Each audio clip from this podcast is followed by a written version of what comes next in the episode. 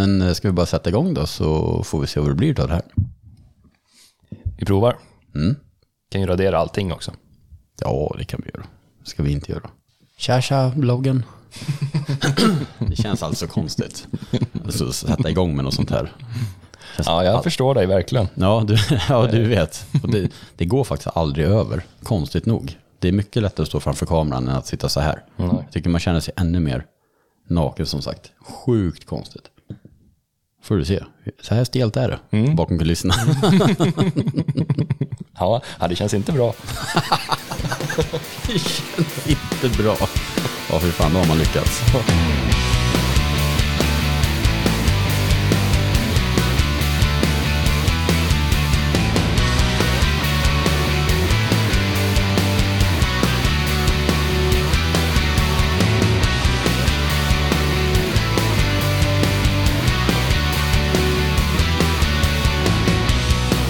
Såklart, Bente blev ju rädd för plunder efter det. Han har ju knappt varit öppen sedan dess. Jag blev ju helt hooked såklart. Ja, det är så sjukt. Ja, det är alltså riktigt stort.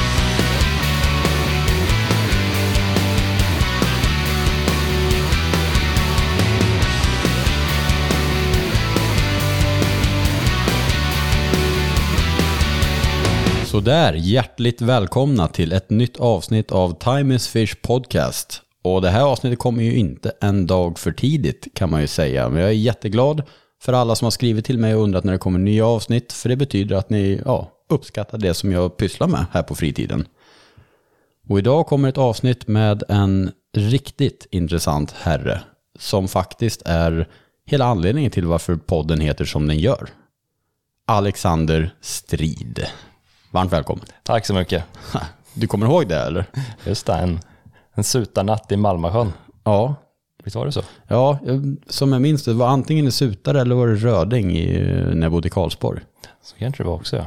Något utav det, jag kommer faktiskt inte ihåg, men det, jag minns det så jäkla väl när du sa att tid är fisk. Så det är, eh, det har suttit så jäkla hårt i min, min skalle och ja, tid är fisk, time is fish. Det var helt logiskt att döpa podden till det. Mm. Så är det ju verkligen. Mm. Och det tycker jag beskriver dig väldigt bra. Man kan säga mycket saker, men tid är fisk, det beskriver verkligen dig och typ din resa med fiske. Ja, jag gillar ju att fiska saker som inte nappar så ofta. Ja, så är det ju. Men hur är läget med dig då? Ja, det är bra. Tycker jag. Vad gör vi nu då? Varför är vi här? Ja, nu är vi här för att fiska hälleflundra. Ja, vart är vi? Vi är på Sörö. Jajamän. Vi är i självaste Breivik. Ja, på, eh, på din arbetsplats som, du, eh, som heter Camp Halibut. Precis, Som du driver tillsammans med Danne Eriksson. precis. Hur länge har ni hållit på med det här då? Nej, vi har ju hållit på sen, jag har varit här sedan 2019. Mm. Det var en novemberkväll 2018 som Danne frågade om jag ville vara, vara med på tåget på det här projektet han och drog igång då. Mm. Och det var jag ju såklart sugen på. Ja. Jag följer ju bara fötterna så att, Sportfiskenomaden. nej så här är vi nu. Mm. Och det har lett mig upp hit också. Precis. Så planen den här veckan är väl att fånga en skaplig flundra på spinnfiske. Mm. Och det ska vi prata om lite mer snart. Men först ska jag berätta för er att, eh, eller berätta för dig, att du ska få delge ett drömscenario i slutet av podden. Det är en standardgrej som många gäster får göra. Någonting som man kanske har gått och tänkt på, eller den här riktiga drömmen inom fisket. Men även, det finns en sjukt häftig historia som du berättade för mig precis innan covid, eller nej, covid hade precis slagit och vi träffades i Gnesta så berättade du den här historien för mig. Och hade, det- hade det varit någon annan som berättade den för mig än du, då hade jag liksom trott att det var skarv och lite ljug. Faktiskt. Men den här historien gav mig gåshud när vi satt utanför sushi-stället i lilla Gnesta centrum där och väntade på maten. Skulle köpa handsprit tror jag. För covid var det inget bra sa folk. och då berättade du det här för du liksom hade kommit hem ifrån kampen och sånt. Så att den, den historien, hade det varit någon annan som berättade den så hade det varit lite så här, okej det kanske är lite skarvat. Men Alex är väldigt speciell och en sjukt duktig fiskare. Så att eh, ni ska få höra något som låter som en fiskhistoria som är dikterad, men det här är från mannen själv som var där. Och den kommer senare i podden. Så det blir lite cliffhanger på den. Men den eh, ska vi tisa lite om här nu så. Då vet ni. Sitt hårt där och, och vänta på. För den som väntar på något gott väntar på Alex historia. Har jag byggt upp den tillräckligt nu eller? Ja, skapligt. Nej, men det finns... Eh, jag har fått höra mycket om fiske eh, från folk överallt och så, men vissa historier är bara så här eh, gåshudshistorier och den hoppas jag att folk kommer ta till sig och, och uppskatta. Ja, Lika mycket som jag gjorde. Ja, Verkligen. verkligen. Så Alex, vad betyder sportfiske för dig? du ser, Ja, vad jobbigt. Vad kul att jag sa det innan, nu Ja. kommer du tänka på det. verkligen. Ja, det där ni hörde nu var en, en sån där när man har tänkt en sekund, en liten smask. De brukar inte höra mina avsnitt för jag sitter och raderar varenda sån där liten grej från alla mina gäster, vilket tar enormt mycket tid. För att man gör det, mycket mer än vad man tror när man, är liksom, när man tänker efter och har bestämt sig och ska öppna käften. Så det var den sista smasken ni får höra i den här podden. tackar, tackar. Sportfisket för mig, ja. ja det är ju hela, hela helheten med ett... Ja, det är ju alltid ett tydligt mål och det är jag ju lite av en specimenfiskare så att Mm. jag vill ju ha en stor fisk. Oavsett art. Ja, Och det är verkligen, du har ju gått igenom art efter art efter art och du snöar ju in på, på någonting och jobbar hårt för det. ja lite så blir det. Jag kan ta, snöa in på någon art och sen kör jag den stenhårt Mm.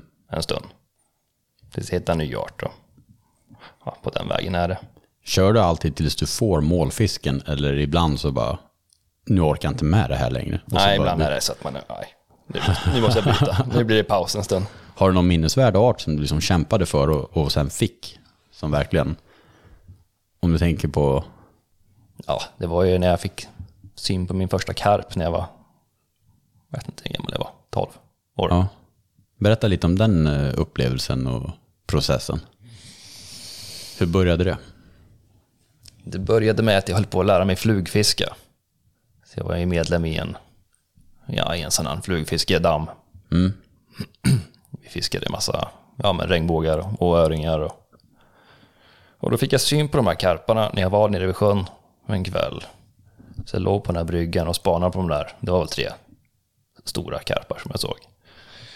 Och åkte hem och tänkte det där, en karp, det måste jag ju fånga. Ja. Den kommer från Katrineholm och då fanns det väl inte jättemånga karpvatten där riktigt. Det finns det väl fortfarande inte, inte vad jag vet i alla fall. Mm. Så då sparade jag alla mina pengar.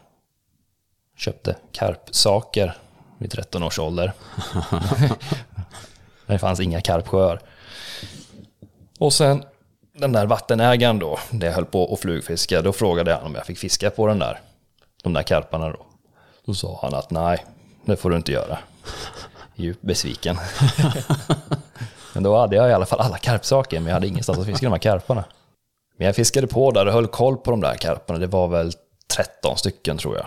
Och så fick jag ju lära mig då att det var gräskarpar. Och de hade simmat där ja, väldigt länge.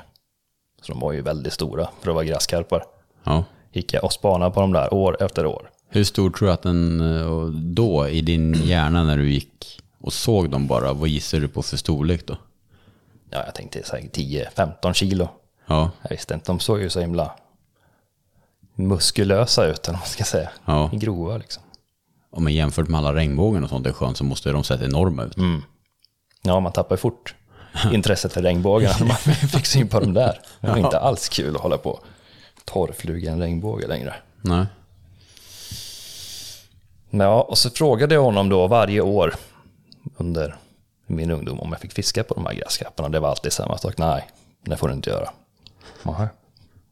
Och så nästa år, får jag fiska? Nej.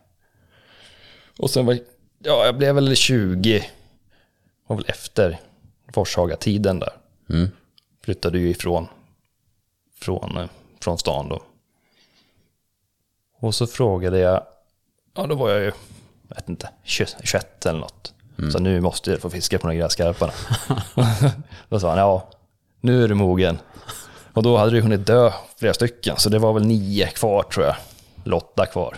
Men eh, ja, då fick jag i alla fall ett ja. Så det var ju, bara det var ju en, var ju en seger. ja, det var en lång jakt på det där jaet. Ja, verkligen. Så de där gräskarparna hade ju alltid funnits med. Jag tänkte, hur stor, hur stor är de? Då hade jag ju koll på att det var ju två som var betydligt större. Varav en var väldigt, väldigt stor. Om jag jämför med de andra. Hade du hunnit börja fiska någon karp någon annanstans vid det här laget? La du någon tid på den på akademin? Ja, då hade jag fiskat lite karp. Ja. Helt klart. Inte så mycket gräskarp, men, men vanliga då. Fjäll och spegelkarpar hade vi kört en hel del. Vad hände, alltså, hur gick du tillväga på de där karparna i Katrineholm? Ja, dealen var ju att eh, ett spö, ett handhållet spö. Det var ju så jag fick, ja, var så jag fick fiska på dem. Så då, exakt, jag var ju där och försökte få dem att käka bröd och, och lite diverse på ytan, vilket var väldigt stort projekt, för det är mycket regnbåge. Ja. Regnbågar gillar bröd alltså. Gillar inte bröd, de älskar bröd. Är det så? alltså? Ja, helt vilda alltså. Ja, Jag har i och för sig aldrig sett någon stå och mata regnbåge med bröd i en mm. tejksjö. Men ja. blir, blir, blir fort odlings... Som ett hela... Ja, det ser ut som en odlingskasse som kommer och blir helt vilda på det där brödet. Så det gick ju inte. ja. Provar du med sån här frolic någon gång? Är inte det en klassisk grej att fiska ytan på karpar? Men jag provar faktiskt inte det. Nej. Jag har provat mycket konstiga saker. Körsbär, tomater. Ett tag tänkte jag skulle fiska med bara, bara gräset, liksom. vattenpesten där de gick och käkade så mycket av. Så jag lärde mig ju hur de där, ja du vet, de gick runt i sjön, käkade vattenpesten, käkade bladvass och ja, hur som helst så fick jag med en eh, god vän då, Patrik Jansson på det där. Han fick också vara med och fiska med ett, med ett handhållet spö då. och så då var han där första gången tror jag. Vi la ett pass tillsammans. Och av någon anledning så är regnbågen inte där. Han skickar ut sin brödbit. Gräskar kommer.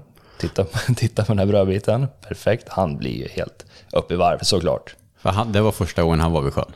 Ja, inte vid sjön, men det var nog första gången han... Ja, det kan ha varit så. Jag är inte säker på det. Hur kommer det sig att hans brödbit var ute och inte din? Hade du det kastat ut också eller? Ja, jag var nog en liten bit bort. Ja. Då hör man hur ja, han blir nervös och säger det kommer ju en karp. Den går upp mot brödbiten. Nej, den tog inte brödbiten. Jo, den vänder om och tar brödbiten. Ja, tog den här brödbiten. och det är hans största fisk då som han har haft på supernervös drill då. Så hovar den där. Ja, precis. Den glider i hoven. Och så bara, ja, men det är ju skitkul vi har fått den. Det är, inte, det är ju en av de mindre, men, men ändå kul. Springer runt och hämtar ja, men matta och, och våg och hela köret som vi hade på andra sidan den här dammen då. Så han, exakt, lägger ner spöet, backar ner i ett jordgetingbo och blir stucken i röven. Och sen sätter han av, springer runt hela den här sjön. Hämtar alla grejer, kommer tillbaka. Och då är han ju helt... Han säger fan jag har ont i röven alltså, När den gäller jävla getingen. Så bara skitsamma, väg den där. Vägde den, var väl större än vi trodde, den vägde väl strax över 15 kilo. Och det är en stor karp alltså. Han var ju riktigt häftig. 90, Och det var den första, du hade inte fått någon än? nej, Nej. nej precis. Ja, matjord i fickan han Patrik alltså. ja, Ja. han är snäll Patrik. ja, det är han. Nej, så det var riktigt kul. Vi tog de här bilderna, släppte in den där karpen och sen började han, hela han svullna upp. Alltså han blev riktigt svullen. Ja, det var så. Ja, hela facet. och hjärtat gick ju i ett på honom. Så vi får nu avbryta fisket, vi måste väl till sjukan med dig. Så nej, nej, nej, nej, nej, det är lugnt. Jag ringer, jag ringer någon, jag känner någon som är sjuksyrra. För mig, så han ringde han någon som var sjuksyrra. Det var ju enkelt. Ja, nej, du måste till sjukhus. Det var inte det jag ville höra. nej, nej, nej, nej, verkligen inte. Ja, så det var den första. Vi såg, det vart man ju mer taggad såklart. Fan, den här Men hur gick det med Patrik där då? Ja, han Ni- klarade sig. Ja. Ni tog er till sjukhus eller? Jag tror han åkte själv. Jag minns inte exakt. Ja, för du vill vara kvar och fiska karp? Han var ju hett då. Det där klarar du av, du var lite full. Ja. Nej, jag minns inte exakt. Åkte vi till sjukan? Eller sket vi i det? Ja, det får vi se. Mm, får jag Patrik se, det. ja. Men hur gick det för dig då? Har du fått någon karp? ja, jag körde på vidare där. Men då var det ju samma problem som alltid med regnbågen och allt det där drabblet. Så det var supersvårt. Och sen när jag varit och fiskat abborre tänkte jag svänga förbi och, och kika läget. Och då var det någon blomma på något träd där som, som trillade ner i vattnet. Så ja, nu går de här och äter den där blomman på ytan. Och den fick ju vara i fred för alla regnbågar. Så fort upp till bilen, nej inga karvgrejer såklart. Så brände iväg, köpte en limpa bröd, tillbaka till sjön. Smög ut i vassen där, hade ju, ja. Så stod jag där ganska länge. Hade du vadarbyxor? Nej, jag hade jeans. Stod du i jeans i vattnet? jag hade varit och fiskat ål förresten, så var det. Jaha. okej. Just det. Så jag hämtade ett spö, så hade jag min ålhov. Vilket var en lite för liten modell egentligen. För de här gräskarparna. Hur som helst, stod där i vassen. Skickade ut den där brödbiten. Såg en gräskarp som stod under den här brödbiten väldigt länge. Och det var så spänd. Till nu har jag väntat 15 år på det här. Kom igen, ät brödbiten. Och det blir mörkare och mörkare. Och han står där, jag de där virvlarna. Och till slut ser jag inte brödbiten längre. Tänker nej, nu, nu är det kört. Men så ser jag litet knick i, i tafsen. Tänker nu, yes. Krokar den där. Och får in den. Och då är det ytterligare en av de där mindre. Som vägde, vägde strax över 16 kilo. Men det var en sån, ja det var så många år av längtan efter att få den där gräskarpen. Så det var riktigt kul. Det måste varit sjukt förlösande. Ja, förlösande. Sen, sen la jag i princip ner. Fick vara nog. Kände du då att okej, nu, nu är jag klar, nu lyckades jag med det där? Ja, jag ville ju ha den stor då. Men jag kände jag hade lagt ner så mycket tid på det där så att... Ja, det var väl så. Den första ja, du vet, suget av att fånga en stor fisk kom. Och Då när jag var 12 år eller något sånt. Ja, det är en, en lång, eh, ja, det utspelar sig under lång tid den där jakten. Ja, det gjorde det. Det blev ju många fiskar däremellan också såklart. Men, men just den där satt... den var ja, en gräskarp också av alla fiskar. ja, men du har ju hållit på en hel del med fiske efter vad är det, färna och sånt där också. Ja, jag har metat på en hel del. Och har du någon eh, art som du har eh, jobbat för som du har gett upp? Som du kommer ihåg att bara, pff, det där var ett projekt som jag ångrar liksom. Som jag helt har gett upp alltså. Nej men då, du, du har har varit- satsat på och sen bara, nej, det här skiter jag i. Ja, det är många ruda sjöar. Den klassiska rudan. Ja. En riktig tjurfisk. Ja. Nej. Inte, man har lagt mycket på is. Mm. Och jag fiskade ju väldigt mycket gädda när jag var yngre. Då ville jag ha den här klassiska 15 kilo sen. Ja. Och så fick jag en på strax under 15 och sen dess har jag i princip inte fiskat gädda. ja, det är så. Jag kände att nej, jag ska. Det finns många andra arter här väl. Men gäddan, den tänker man ju på ofta. ja. Så är det ju. Den är ju speciell. Jo, men det är ju, ja, bortsett från malen, vår största predator. Eller ja, laxen är väl egentligen en predator. Ja, det är det väl. Men man sätter ju den i något fack egentligen. Det räknas inte till predatorerna, för det är ju gädda aboriös. Ja, det där är ju ädelfisken. Ja, exakt. Den ädla fisken. Och lax finns det fasen här i Norge alltså. Huvudligen.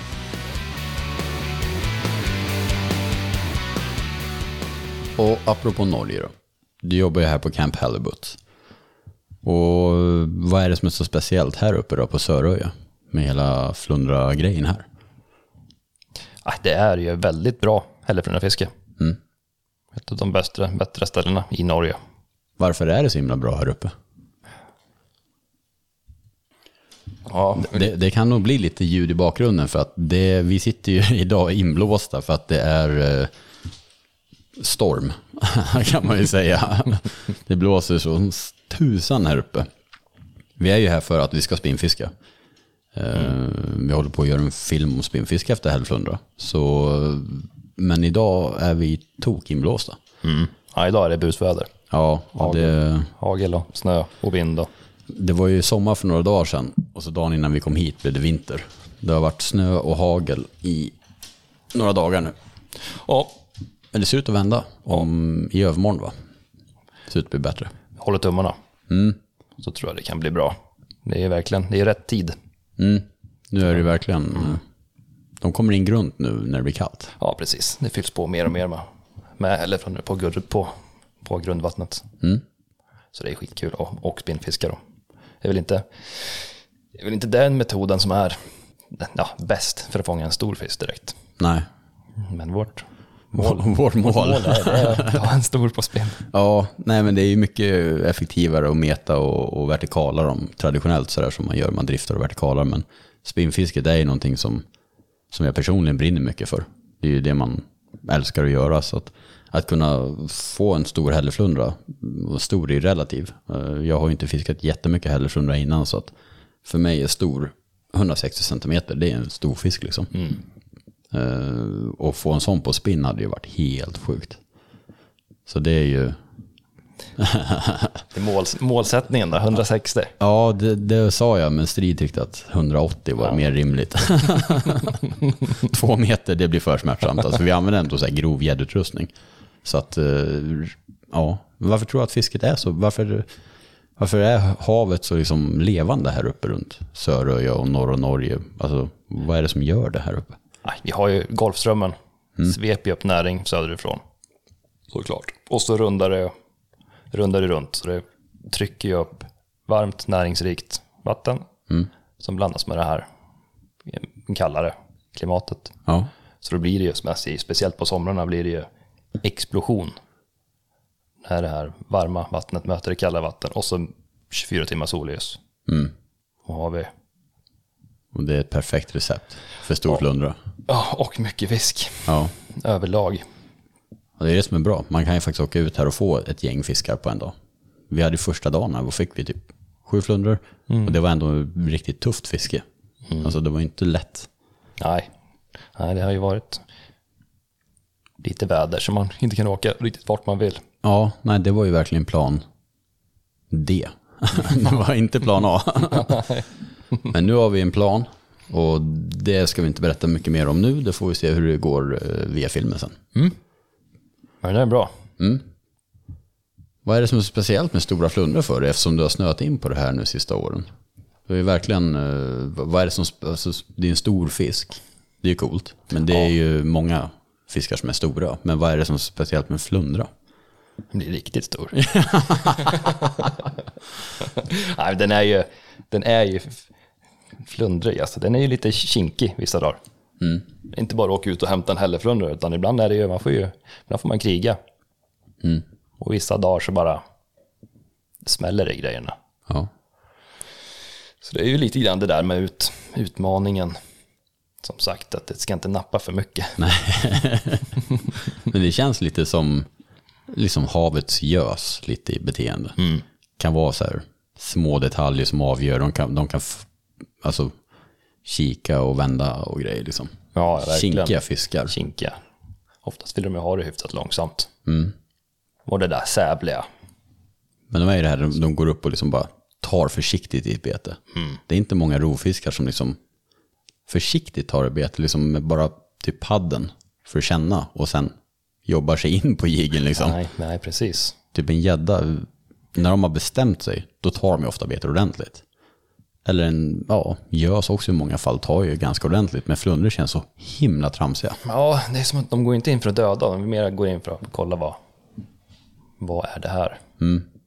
Man ser ju ibland då, då man filmar att de kan ta mitt på jiggen, kan ta lite grann i, i padden, sen kan de simma till nästa jigg, kika lite grann där, vad är det för någonting. Så kan de hålla på sådär en stund. Och sen rätt vad det är så kan de för sig att nej men nu den här ska jag äta. Och så går de all in för att döda den jiggen. Eller så bara tuggar de in långsamt sådär över padden. Det är väldigt speciellt. För att vara en så stor fisk så tycker man att de borde äta mer, ja, inte hålla på att tramsa på det där sättet liksom. Nej men verkligen.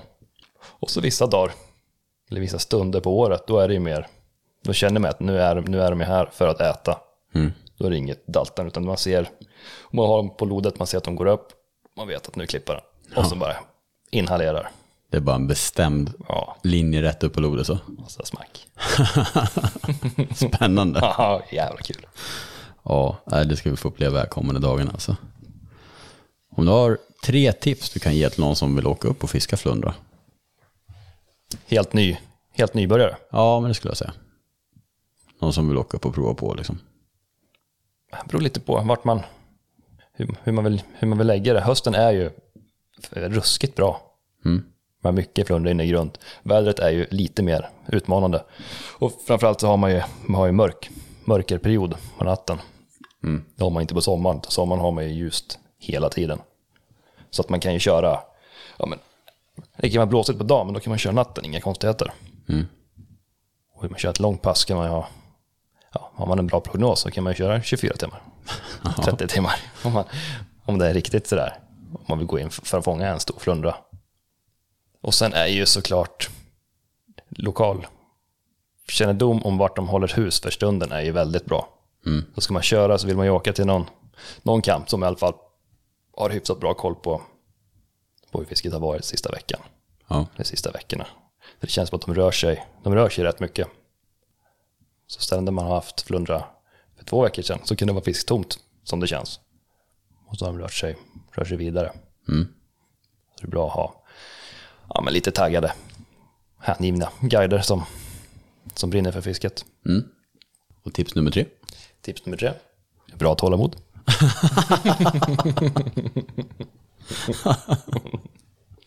Ja, det är så. Ja. Vad skulle du säga eh, liksom, bäst att börja med? Är det mete eller jigg? Jag skulle säga jigg. Mer, man får mer fisk på jigg. Det blir mer action. Ja, det är så. Ja. Man höjer upp medelvikten på metet. Så vill man gå in för att fånga en 50 kilos, då ska man nog köra sitt mete hela veckan. Bolarna får fiska med jigg. Men bara stå där passivt med mete och vänta. Ja. Men ni fiskar väldigt aktivt med mete ändå? Ja, aktivt det är ju. Jag vill ju hålla mig, jag vill ju följa botten i princip. Så ligger jag mellan två och fem meter från botten hela tiden. Och då ja, gäller det att hålla koll på, hålla koll på djupet. Men Annars är inte så aktivt, det är ju, det är ju ett mete. Bara stå och följa botten liksom? Ja, lite så. Det är klart man kan skicka på den lite fart ibland och så där, om man ser att det är något som, Och om man är riktigt bränd, då ska man spinnfiska? ja. Ja. Nej, spinn är också bra. Det är bra på att fånga fisk oftast. Och spinn är ju kul. Lättare grejer, bra fighter, grundvatten. Det är, Ja, det är- riktigt, ja, det är riktigt kul. Jag var ju upp förra året och fiskade och då, då vertikalade vi egentligen traditionellt då. Men eh, när det var liksom, vi kom upp på någon topp och, och det kändes hett, då hade vi spinnspöna redo och så tog vi kast med dem medan jiggarna var några meter över botten. Och det var ju fruktansvärt kul och det var ju där man liksom bara kände att fasen, spinnfisket är någonting man vill satsa mer på. Ja, verkligen. Det är riktigt kul. Även om det inte kanske är effektivast för att fånga den största individen, men jäklar vad roligt det är. Och det är mer, man kan mer ta på konceptet spinnfiske eftersom man är van vid det. Från det man gör vanligtvis då. Ja, det är skitnice. Bara Med de här spöna som jag kör nu, dina spön. Sen, 260 grams gäddspön liksom. och en multirulle. Ja. Hur Ja, det- kul som helst. Det har känts jäkligt bra när vi har stått och fiskat nu och de vi har fått. Alltså det funkar ändå okej. Men om det hugger en sån där två meters plussare, då, då kommer man att få kämpa med ländryggen alltså. Ja. ja, då blir det inte så kul. Nej, men du har visat hur man ska, hur man ska fighta dem med vaden. det är bra. Ja, så det är min, det är min taktik det. Om, jag, om vi skulle mot förmodan dra på en så här riktigt stor, då blir det vaddrillning. Mer om det i filmen. vi kan kika lite på din resa genom allt det här då, med din karriär. Du nämnde nu- förut när du pratade om Karpen där, att det var i, utanför Katrineholm. Och där är du ifrån, eller hur? Jajamän, mitt i Törnbland. Så där, där har jag fiskat mycket. Såklart. Vet, vet du vilka Mjölbypartiet är? Mjölbypartiet? Ja. Nej. De hatar Katrineholm. Alltså, Vet du om det? nej. Nej, de, de har ett hat emot Katrineholm. Ja, jag förstår dem. Men du, du började din, eh, din eh, karriär i Katrineholm. Men hur kom fiske in i ditt liv? Vad var det som introducerade dig för hela det? Ja, det var väl farfar, typ. Ganska Ja, klassiskt. ändå. Ja, verkligen. Hur var han då? Vad fiskade han? Nej, han pimplar ju abborre och typ båtpimplar gös. Och han var inte fiskare, så han var ju mer jägar, jägarsnubben. Men det var, man blev ju helt såld på fiskar direkt. Även från ung ålder där. Och skulle hålla på varenda grej man gjorde i skolan, det var fiskar. Så var det fiskare, fiskare, fiskare. Ja, reptiler och sådana grejer också. Ja, det var det också. Det känns som rätt många, många man pratar med som är fiskare som har haft samma konstiga syn på djur. Men det är väl en grundfascination av, av djur generellt. Ja, ja säkert. Men så du började fiska, vad, vad var det för arter och sånt som du liksom började med? Var det klassiskt? Klassiskt, meta. Alltså jag var väl mer intresserad av fiskar än fiske. Ska jag säga, när jag var liten. Det var ju jättekul. Och det spelade ingen roll hur jag fångade, om jag kunde fånga dem med hov och, sådär. Sen vart det väl mer och mer, mer och mer fiske egentligen. Jag kunde hova upp små mörtar och, och sätta på en krok och du vet. Sätta på rödvita flöte och fångade större abborrar. Redan tidigt där var jag blev, ju fast i predatormetet med toppknutet. Med toppknutet ja. Nere i Löddeå med toppknutet. Ja, precis. Men sen gick ju du på Sportfiskaakademin. Ja, precis. Den resan som vi många har gjort. Är Danne? Ja, Han är livrädd. ja. Du kan ta dem du vill. Ingen fara. Tja.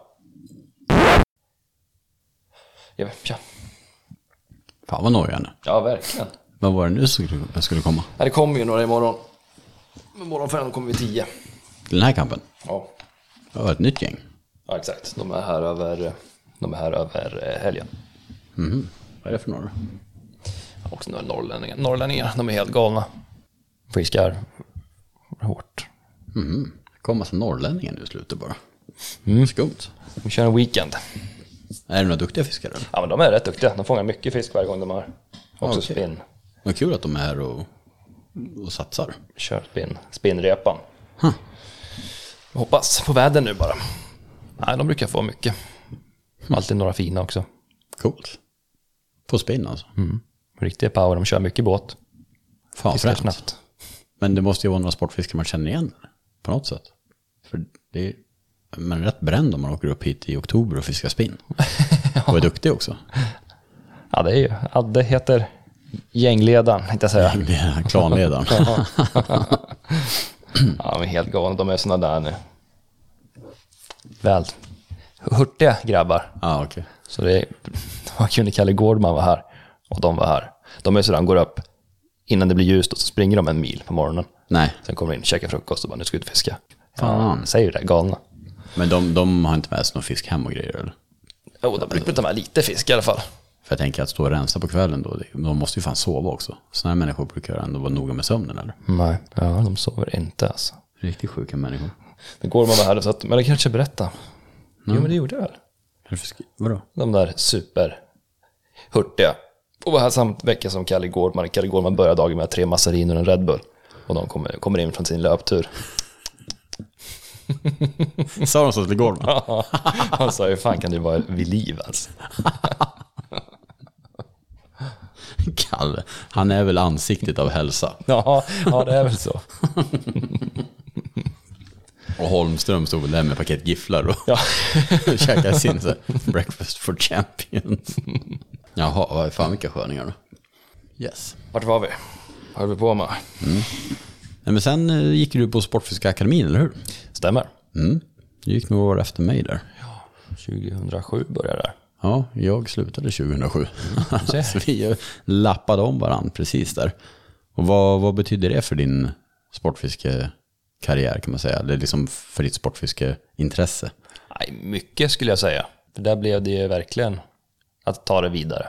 Ja, man fick ju bo och fiska med folk med samma, med samma intresse så att säga. Det fanns ju inte i Katrineholm direkt. Men det blir väl så att man helt plötsligt, okej den gör det där och den gör det där. Den, och då blir det en mix av allting och man provar på massa olika och får ny inspiration. Ja, exakt. Ja, det vet väl du. Det är ju samma. Ju mer man provar, desto mer blir man fast i. Ja, ja absolut. Vissa är ju nöjd med sitt spinnfiske efter en art kanske, men det finns ju mycket att utforska. Ja, ja verkligen. Det är kul med, med olika saker. Man vill ha lite variation i, tycker jag, i sitt fiske. Ja, men det är ju det. Man kan ju aldrig tröttna om man varierar sig. Nej, precis. Vad som vi pratade om häromdagen tror jag i båten. Det går ju inte att tröttna. Nej, det är helt omöjligt. ja, är samma när folk frågar mig, bara, "Tr- tröttnar du aldrig på fisk? Jag bara, ja, om jag tröttnar så byter jag bara lite grann. Det är en ny art, ny metod. Så är det ju kul igen. Ja, verkligen. Det finns otroligt mycket, man hinner inte ens med allt man vill göra. Nej, det är det jag tycker är så kul med att åka upp på det här flundrafisket. För helt plötsligt så är man, för hemma så har jag liksom, ska jag ut och fiska abborre, leda eller gös eller någonting så har jag koll på allting. Jag, jag vet alla, jag är bekant med alla mina metoder, jag är bekant med all utrustning, jag är bekant med, man kan läsa på om vattnet och se och få ha en, ha en känsla för någonting. Men här uppe är jag liksom rakt ner på noll alltså. Ja, För att liksom, jag, det är så sällan nu för tiden jag blir så här taggad inför fiske och man blir så här, men jag sista veckan innan vi kom hit, alltså jag har inte kunnat sova ordentligt eller någonting liksom. Man ligger och tänker hela tiden, de där fjädringarna, är de lite för grova? Eller, hur är det med det där, liksom, vilken knut är bäst och så vidare. Alltså det är så mycket saker man är osäker på. Och det är ju en, eh, ganska ovanlig känsla nu för tiden tycker jag. Och det är jäkligt kul. ja nej, verkligen. Jag känner nästan inte samma, samma sak. Nej, inte riktigt. Jag har hållit på några år med det här, men det är fortsatt... Ibland går det så himla fint och bra. Man får stora flundor och mycket flundor. och Man känner att det, här, det är lugnt. Sen går det fyra dagar och sen står man och funderar på vad, vad är det för fel? vad gör jag egentligen? Nu är jag ute och cyklar. Men jag tänker mig alltså i, i en insjö om man inte hittar fisken en, en viss dag. En, en, en ganska liten sjö kan kännas stor. Och att fisken är helt borta.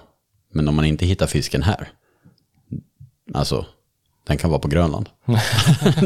Alltså, det, de kan simma en bit om de vill. Ja, de kan ju det. Det, det är liksom väldigt stora områden. Ja, man känner sig liten. Det som är lite kul också. Det blir lite mer, blir lite svårare. Ja, det blir mer mm, dynamiskt, måste jag säga. Det är så mycket att ta hänsyn till också med strömmar och, Ja, det är mycket faktorer. vind. Och. I, Ja, det är kul. I, i en insjö så bara, ah, bara nappar inte, så bara, ah, fallande lufttryck. Dåligt. Ja, precis. Här har man det plus alla andra faktorer. Man vet inte vad det är som påverkar. Nej. Vad hände under akademin och sådär och, och efter akademin? Vad gjorde du då för någonting? Efter akademin så... Vad gjorde jag? Ja, det blev ju Berras. Mm. Där jag också startade min karriär. Ja, precis. Som många andra. Men började du på Huntyard då eller? Började på Hantgör, ja. Ja, det var ju precis när jag slutade Ja. också. Och gick till Fairpoint. undan mig? ja, det, det är ju som att jag flyr liksom. Verkligen. Ja. Ja, just det. Det var alltså precis... eh, du kom direkt från skolan då när du började på Huntyard. Nej, jag var faktiskt ett år i, i Katrineholm först. Som plåtslagare. Ja, just ja. Var jag. jag var också plåtslagare efter nian. Samlade upp pengarna till gymnasieutbildningen. Så då körde jag där. Men sen stack jag upp Stockholm. Och det var ju Daniel Eriksson då som, som styrde in mig där också. Ja, det var det. Han som du driver Körde. Halibut med. Mm. Exakt. Och för ni gick ju samma klass på akademin. Ja, exakt. Ja, så körde vi Berras där. Hur länge blev jag där? Hur många år kan det ha varit? Ja, jag vet inte. Det var några år. Men det var väl lite där vi lärde känna varandra. Skulle jag tro va? Jag visste om det sen innan. Men eh, jag tror det var där vi lärde, fick kontakt i alla fall. Just det. Via Huntyard. Och sen har du varit, och då, du fiskade ju som satan. Men du hamnade också en sväng på, eh, på i Skottland. Just det. Skottland, ja, på Shetlandsöarna. Ja, jo. Tack. Också så här sjukt långt ut i ingenstans alltså. Verkligen ut i ingenstans. Ja, möjligheten uppenbarade sig. Ja, då var ju det där, hade man ju hört så mycket om hur dåligt det var med laxodlingsindustrin. Jag hade ingen riktig koll egentligen. Och så fick jag läget och stack till Skottland. Jobbade på en laxodling för att se, nu ska jag kolla hur det här går till. Vad gör de med haven? Ja. Ät inte lax. Nej, men det är ju verkligen så. Folk förstår inte hur illa laxen är, men du har ju varit där och sett det first hand. ja, det är ingen höjdare alltså. Nej. Ja, jätteroligt jobb. Ja, det är ett fantastiskt kul år. Mycket galna grejer. Ja, Jobba med galna människor. ja verkligen.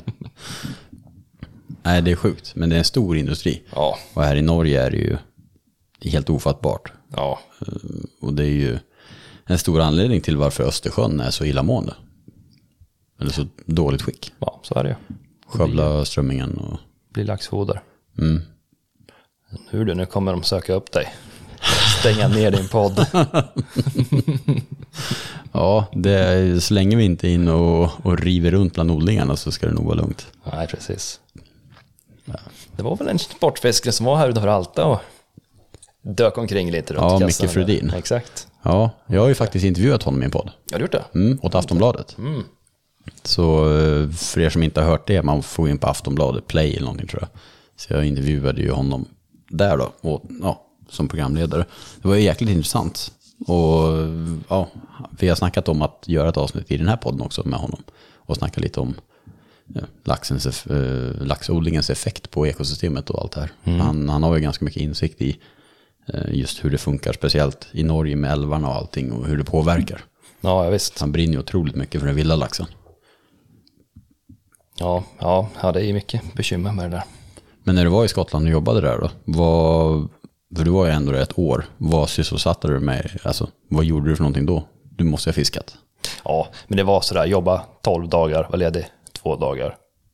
Och de här 12 dagarna jobbade jag ju med Grant som vi snackade om, så det var ju 12-13 timmars dagar. Långa arbetspass. Ja. Nej, men då fiskade vi lite grann. Fiskade ju såklart under kassan lite grann när det var, när det var läge. Och då fick vi ju lite diverse arter där under. Rö, små fläckig rödhaj och allt vad de hette. Och sen körde vi väl konger, alltså havsål. Mm. Konger från land också. Och det är alltså ålar som kan bli uppåt, Ja, 50-60 kilo. ja, det är en stor ål. Ja. ja, de är häftiga alltså. Nu fick vi inga stora, men Ja, hur stora fick ni? upp till 15 kilo. Mm, fortfarande en stor ål. 15 kilo, hur lång är en sån? Vet inte. De är Svåra att mäta, precis som vanliga ålar eller? Ja, det kan jag tänka mig.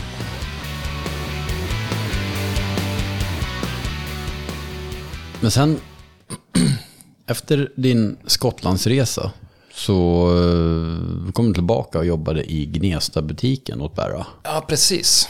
Mm. Exakt, Och- David stack till Söders. Mm. David som numera är butikschef på Södra Sportfiske. Ja, exakt. Och, men du har gjort rätt mycket resor också. Vet, Du har fastnat för eh, GT-fiske var iväg några gånger på. Mm. Det är kul Ja. också.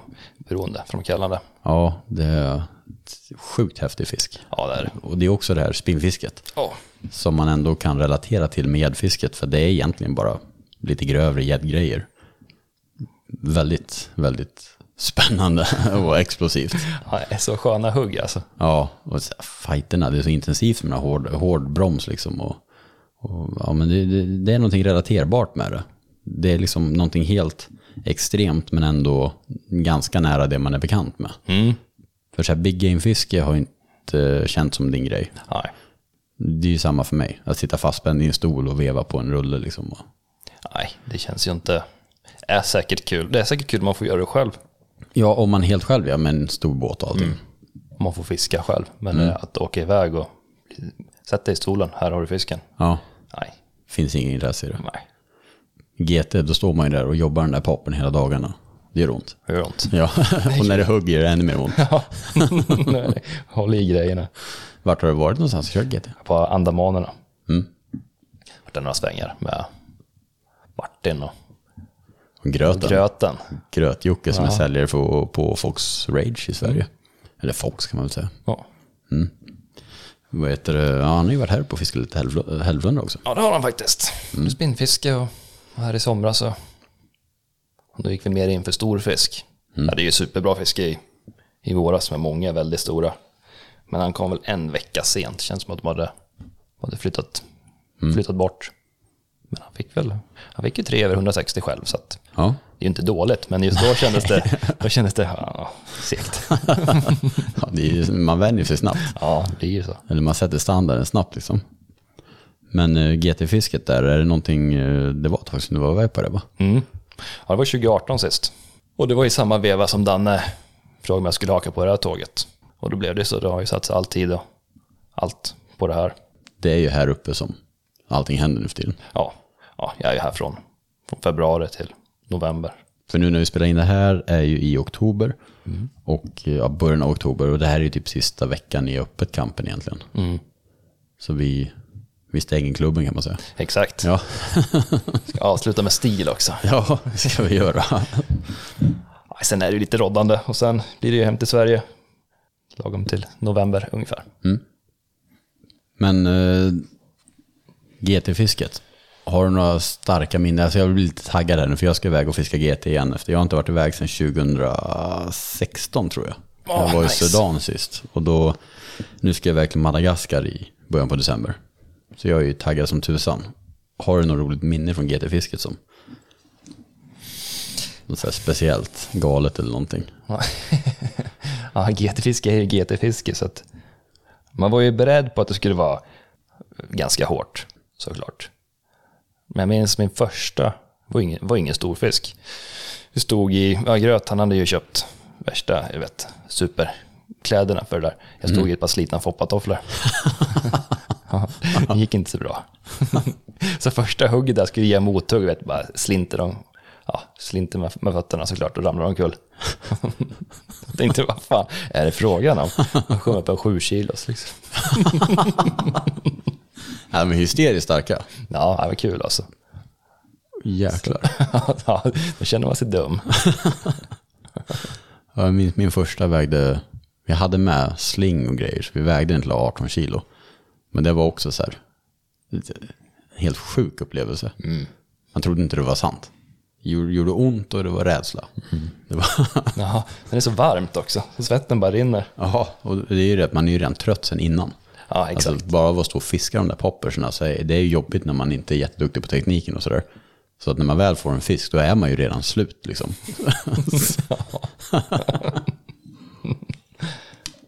Men var GT-fiske starten på din, eh, ditt resande lite grann? Det ja, det, som gjorde skulle jag du- säga. Jag har ju inte rest jättemycket. Men GT-fisket, ja, det var väl egentligen första, det där tropiska.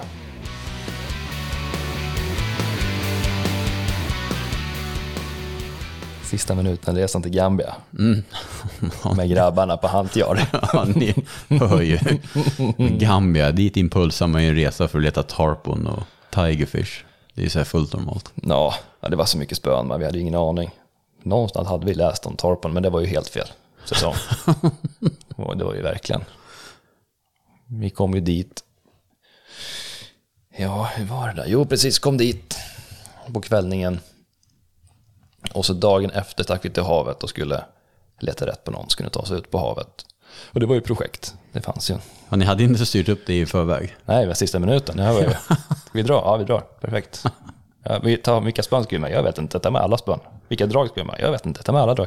Det var så mycket grejer alltså. Så mycket spötuber. Alltså, vi stack ner till havet där och sen fick vi till slut tag på någon som kunde köra en, köra en båt. Han hade väl ingen båt, men så jag ska lösa en båt. Vi kan ta på en hardtop-båt med någon liten snurra på. Ja, perfekt. Vad fångar vi för fisk? Han bara, yes, fish. Det blir bra. Så ja, du vet, ute i den där båten. Och han hade väl, jag tror att han aldrig har kört en båt förut. ja, det var så dumt. Det var ju ja, fint, platt i den där, ja, inte hamnen men.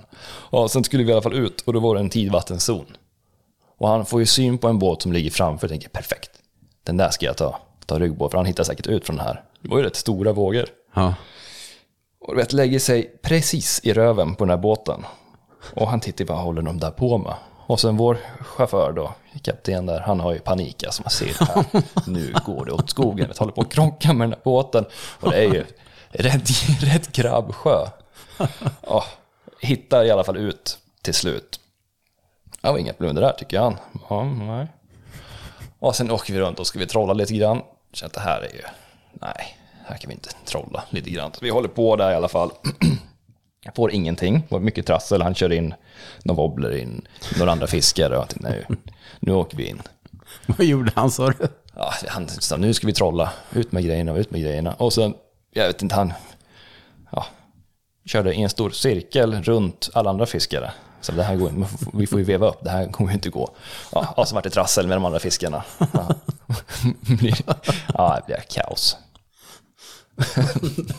Så jäkla bra start. Ja, ja, och sen ska vi in igen. Genom den här tidvattenzonen. Och så ska man åka med sjö istället kanske. Mm. Precis. Och det är ju alltid roligare att åka med sjö. Ja, ja. och vi har ju en kille med som är från Gambia och den här kaptenen. Och säger det här går ju inte bra alltså. Och vi rullar in mot de där vågorna, blir bara större och större. Och paniken i deras ögon, för ingen kan väl simma. och sen lyckades vi undkomma en våg, vet, surfa ner. Vi har ju en hartuppbåt, det ska ju mycket till. Oskar är så ledsen, han ligger och sover. och sen kommer ju nästa. Och då börjar det bli alltså, stor våg. Och kaptenen får panik, slår av motorn, vinklar upp bredsidan mot den här vågen. så den bryter ju. Och vet, skickar fram den här båten. Så han ja, vet, står ju in. Tiltar ju nästan 90 grader. Så Oskar som ligger och sover faller ju ner och landar på sidan av båten. Vad är det som händer? Och alla står och håller i sig. Och den här stackars kaptenen, han är ju så rädd. Det är betryggande när kaptenen är livrädd. ja, vilken cirkus. Och sen, ja, vi kom igenom det där i alla fall. Och sen in mot hamnen och den där bryggan som vi, han hade tagit den där båten ifrån. Ja, då kommer han in i sju knop och bara smäller in i bryggan. Så hela sidan på båten, den spricker. Så vi betalar för oss. Så jag tack, tack. Det där gör vi inte igen. Och så kommer han springandes efter, för jag får ingen dricks. Stackarn, han fick dricks. Han, han behövde Han lite kämpade. dricks. Ja, det, han kämpade.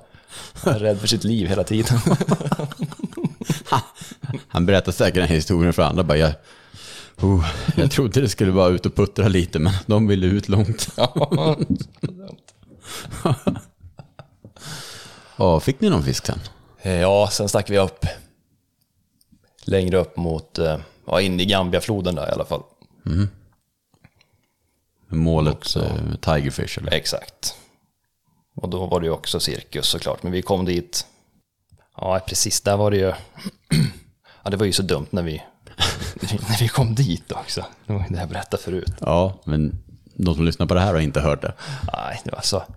Så vi hade åkt, vi hittade ju en, en snubbe som körde runt på oss där i, i, i sin bil då utan, utan servo i, i, i styrningen. Fan, jag var så, ja, så tog vi oss i alla fall upp, kom vi fram där och då vi åkt, jag vet inte hur långt det tog, tio timmar. Vrålhungriga, mycket törstiga. Kom fram där vi ska bo och där är någon, någon typ av stugor.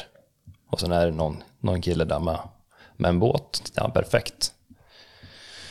Och så ska vi ha käk så kommer ju en och frågar bara vad vill ni äta för någonting? Bara, vad har du? Ja, pommes frites och kyckling, perfekt, det, det tar vi. Stek, stek ordentligt. Ja, så går det ju en, en timme, en och en halv timme. Vad är det som händer? Alltså, den kycklingen blir verkligen välstekt. Och så kommer en annan kille och säger att nu är, nu är eh, lunchen här, middagen är klar om ni vill käka. Så bara, okej. Och så kommer vi ner, då går vi ner då till själva den där byn. Och då sitter det tolv snubbar runt ett stort fat med ris. Och så är det två 12 centimeters fiskar på. Ja, okej, det här var inte pommes frites och kyckling kanske. Men ah, nu får vi äta, vi man måste ju äta någon gång. Ja. Så det var jag Oskar, Tobbe sätter oss där. Gaffel och sånt, det, fan, det var ju, alla åt ju med händerna. Ja, det var fan, vi kör väl på. Började käka det där riset, smakade dy. Ja. det var ju kokt i, i vattnet från Gambiafloden där. Så att, det var väldigt äckligt, men vi tänkte vi måste äta. Så vi tröck i oss det där. Och sen droppade de av en efter en. Så var det bara jag, Tobbe och Oskar kvar där. Käkade oss mätta, sådär, perfekt. Nu kommer vi må dåligt, garanterat. Och sen kommer den här killen som vi beställde kycklingen av oss. Att nu är kycklingen klar. Ja. Ni hade suttit med några helt okända och bara ätit deras mat. Exakt. Så då fick vi ta vår kyckling och ge tillbaka den till dem. Nej, det var så dumt. Men ni var ute på floden också och körde och det var lite flodhästar och grejer. Ja, ja de där gillar jag inte. Nej. Det är läskiga djur de där flodhästarna. Ja. Vad var er upplevelse med dem då? Nej, de var rätt lugna. Hade, han hade ju sin fyra hästar, men man såg ju, han, han såg ju nervös ut för de där flodhästarna. Då blir man ju själv nervös, såklart. Och sen rökte han ju joint oavbrutet. Och så var han ännu mer nervös. Så bara, är flodhästar farliga eller? Ja, de är farliga. Så frågade jag om det var någon han kände då, som hade strykt med av en flodhäst. Och sen, ja, ja, men det var 12 från min by förra året. Så, ah, nej, bort härifrån. Sitter med en fyra hästars motor. De kan ju springa hur fort som helst under vattnet där. Ja, usch, vad läskigt. Jag gillar inte. Ingen, ingen chans i den där skutan. Fick ni någon fisk där då? Vi fick en del tigerfish. Fisk. Ja, ni fick det? Men vi hade ju, vad hade vi nu, göswobblers och grejer. Funkar ju mycket napp, men svåra att kroka på de där. Ja, det är ju bara, det är bara skelett Ja, i munnen. bara ben. Ja. Jag fick någon där strax under sju kilo. Ja det, ni fick så stor ändå? Alltså. Ja, Det är rätt stor. lite så här, mycket napp.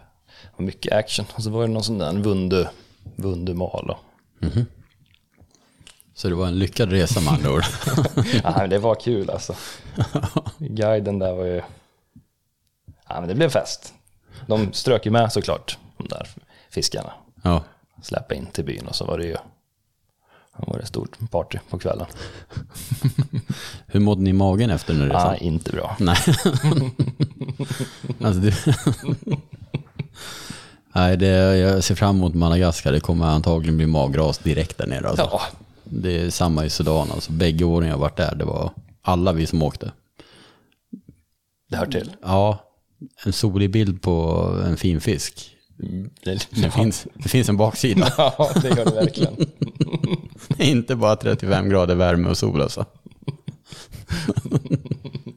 Det är små toaletter i byn också. Ja, usch, usch, usch. Det kan bli såna här hej historia liksom. De där.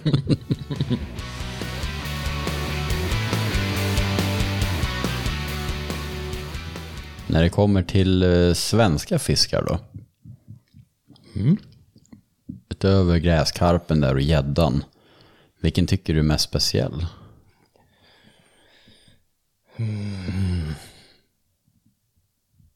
Ja, Jag fiskar ju mycket abborre. Mm. Här uppe, när maj kommer så saknar jag rudan mest. Det är ju, Ja, det är så men det blir ju sånt. Fiska, 100 kilos fiskar i gungande hav. Det är klart man miss saknar Rudan. en ruda. En liten ruda Ja, det på det två kilo. men det är känslan. Ja. Vad är det som är så speciellt? För att rudafiske är ju någonting som, det är en extremt liten del av sportfiskarna i Sverige som, som ägnar sig åt rudafiske. Ja. Alltså det är en väldigt, väldigt liten klick. Men de som gör det är ju väldigt frälsta. Ja, Vad är det som är så himla fantastiskt med ruda? Kan du sätta ord på det? ja den nappar ju sällan. Det är så jäkla dålig säljpitch alltså. Men det, det är så kul att höra liksom. Jag har ju själv fiskat ruda lite grann när jag bodde där uppe i Deje. I Igeltjärn. Ja, just det. Alla som har bott där måste ha haft sin period i Igeltjärn. Ja, alltså. ja definitivt. ja. Men, ja alltså. Nej, men det är själva känslan. Det här försommar... Försommarkänslan i Sverige. Det är något speciellt. Alla dessa fåglar och... Ja, det är något visst i naturen. Ja. Nätterna, tidiga morgnar. Och bara sitta och vara ett med det. Det är skönt så här för att man kan fokusera på att vara ett med naturen för att man blir inte störd av att nappar. nej, exakt. inte så att det händer mycket. Jo, men det kommer två bubblor där. Oh, nu är det hett. Ja, det är nu, nu, är det, spännande. nu är det hett. Nej, det blev inget den här gången heller.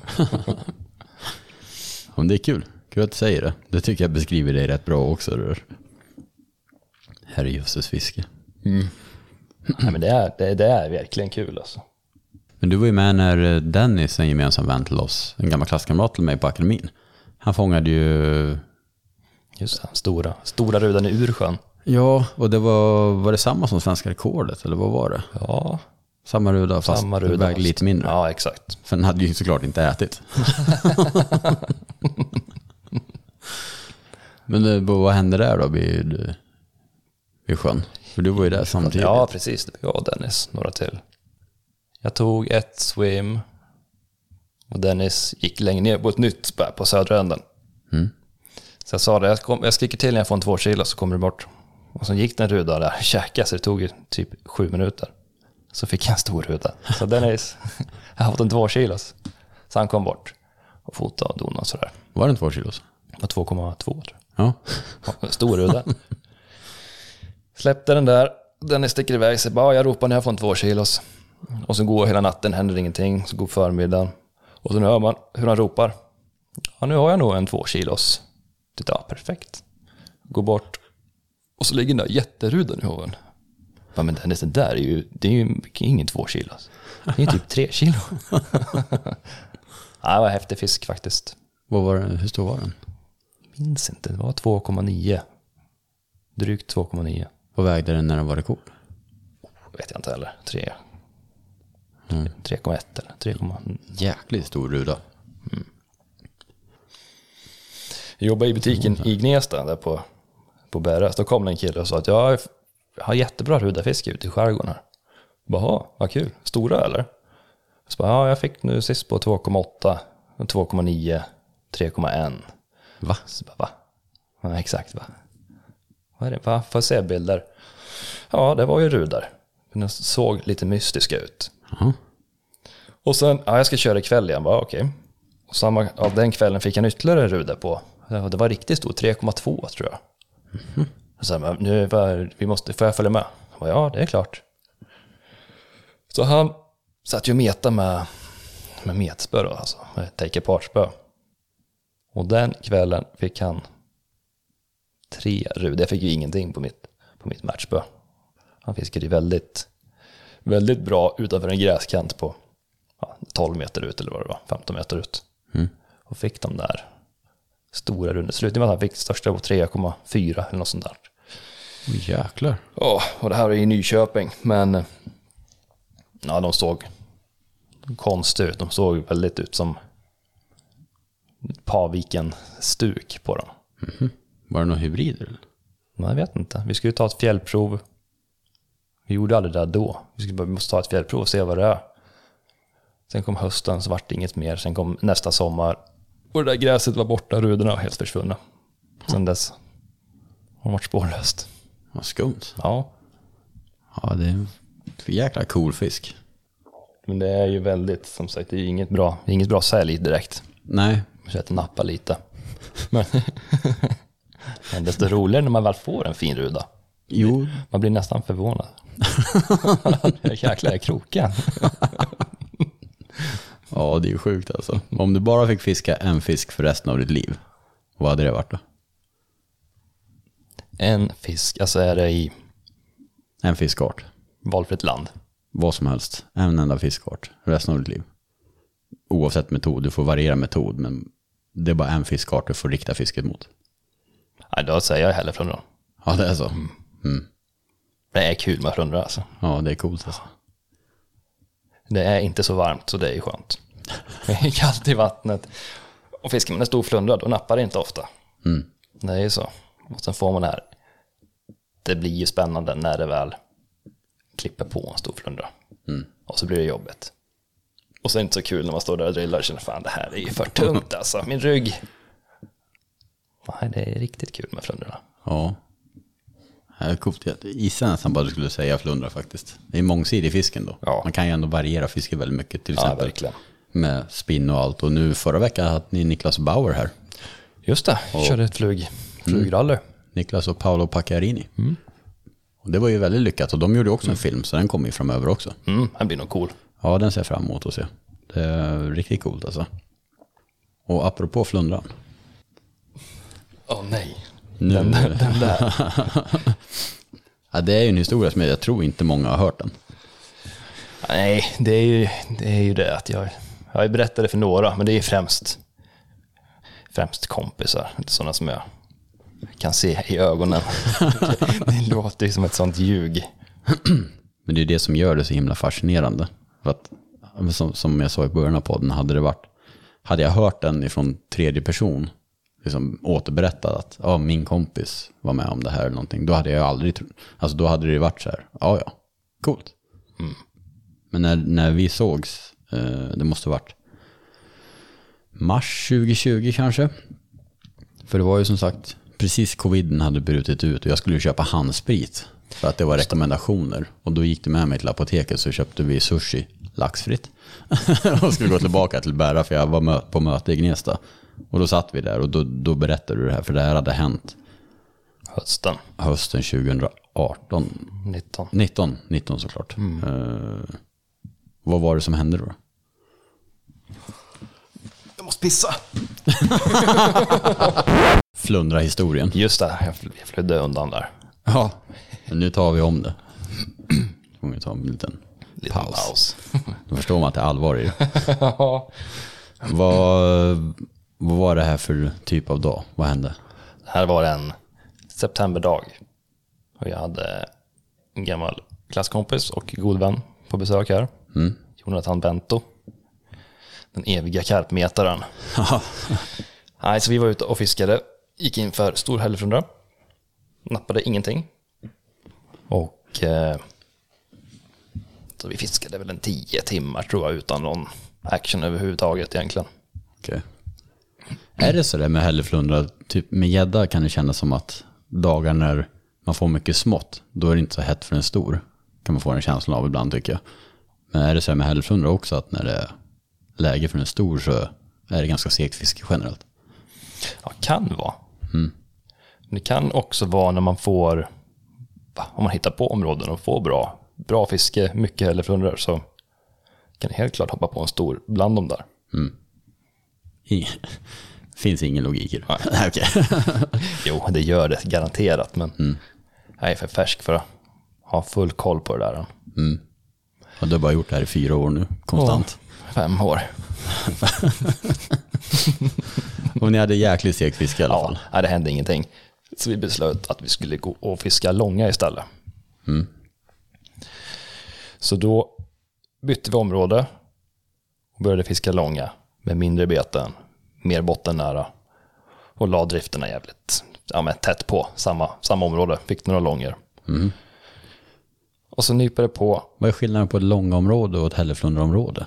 Nej, Det är egentligen ganska snarlikt. Egentligen fiskar man ju långorna mycket, mycket djupare. Ja, Men den här tiden på året på det här stället så är det mycket långa, uppe grunt. Och grunt då är det 50-60 meter. okej. ja. Så rätt, ja, med rätt, rätt bra långa fiske. Och sen drar jag på en fisk som inte är en långa då, utan det blir ju tvär, tvärnit. Du, känner du direkt att det är ett hugg också? Eller? Ja, du känner precis. att det hugger nu? att den suger i den där lilla safe-lappen jag körde med. Ja. Och sopar på ett mothugg och får ett, ett gung. Säger till Bent och bara nu, fan krokar jag en stor flundra. Och den tittar skeptisk på mig och säger nej, du sitter i botten. och nej, nej, nej. Nej, nej, nej, det är, det är en flundra. Och så, och så börjar det då, det blir ingenting händer just, det är ju bara tungt. Som det ofta är med, med en stor flundra. Den går, går längs med botten, vi kör efter den. Den går lugnt. Känner du att det bara gungar i spöet när den simmar liksom? Eller, Ja, men exakt. eller är det knappt någon rörelse alls? Liksom? Nej, man får, man, man känner att det inte är botten på en stor flundra. Det blir, ja, hur ska man, hur ska man säga det? Ett bottennapp är ju alltid tvärstumt. En stor tung flundra får man alltid, det blir som att den, det, den flyter ju liksom ovanför botten. Så det, kommer alltid, det rör sig ju lite grann, även om det är en väldigt stor. Men det, det är ändå sjukt att man liksom, man vet, ja. Det är en liten skillnad mellan bottennapp och en flundra. det är så sjukt. Ja. Nej, man har ju sett gäster som har nypt på och sagt nej, sitter i botten. Man säger, är du säker på det? Ja, det här måste vara botten. Ja, fast det där är nog faktiskt en flundra. Vad sjukt alltså. Den är en sån här, ja men en stor. Men har man, vart var jag ens? Den börjar gå. Exakt, den börjar gå. Så vi följer den där. Då förstår ju ganska omgående att det här är en bra, det är en bra fisk. Och så går ju tiden. Vi har ju helt, helt vindstilla, vi har ingen strömdrift, knallsol, kanonväder. Så börjar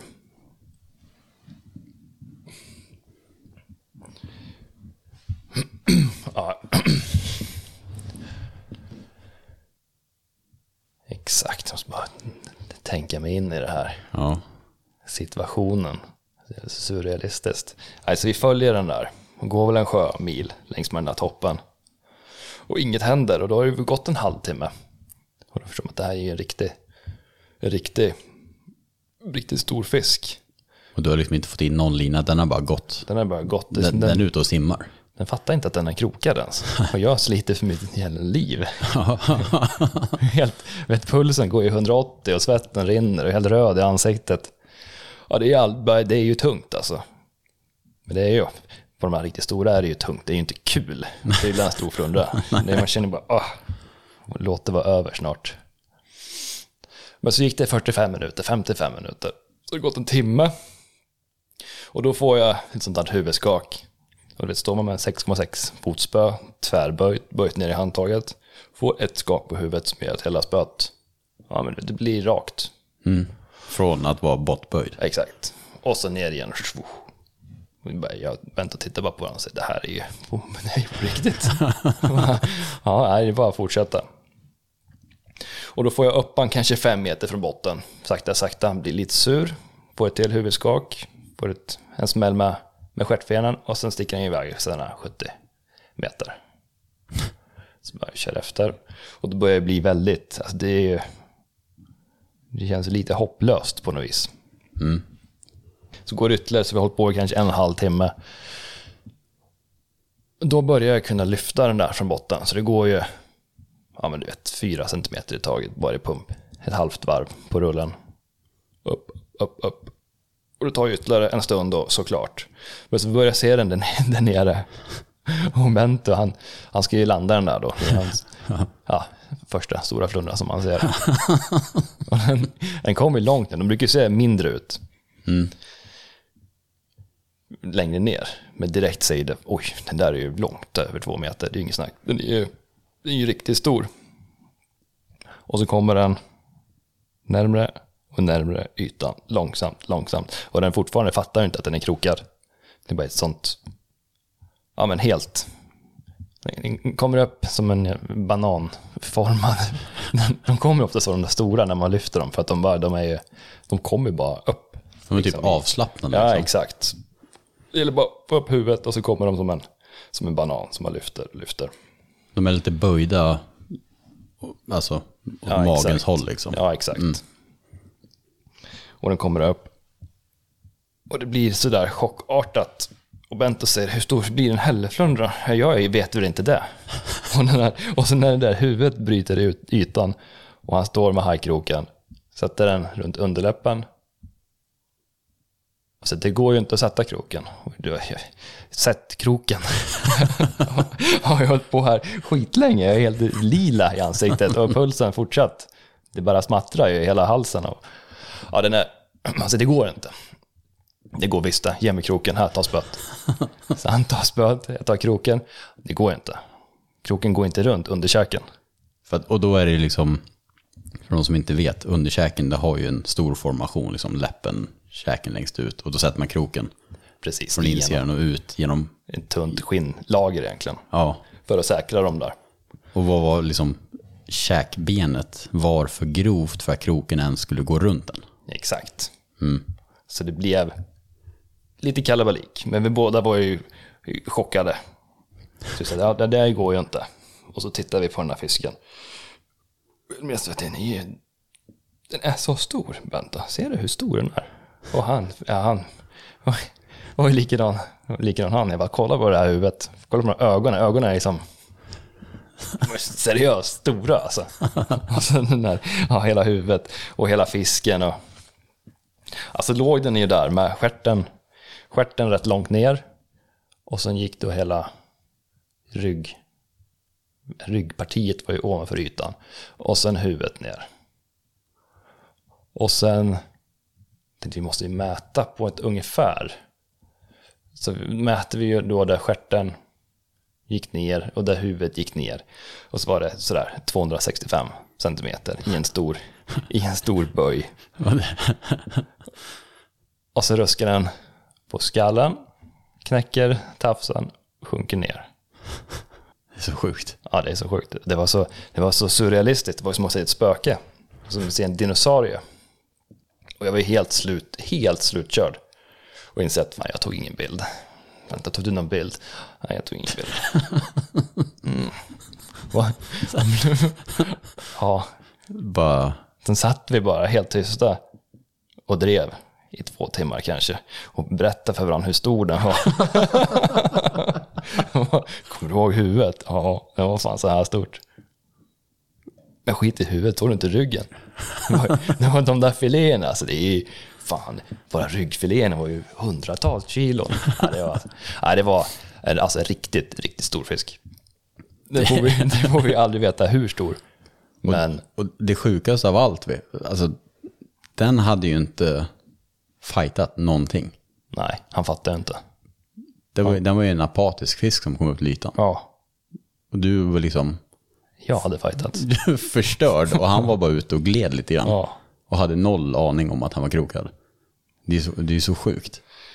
Så den händelsen. Såklart, Bente blev ju rädd för flundror efter det. Han har ju knappt varit öppen sedan dess.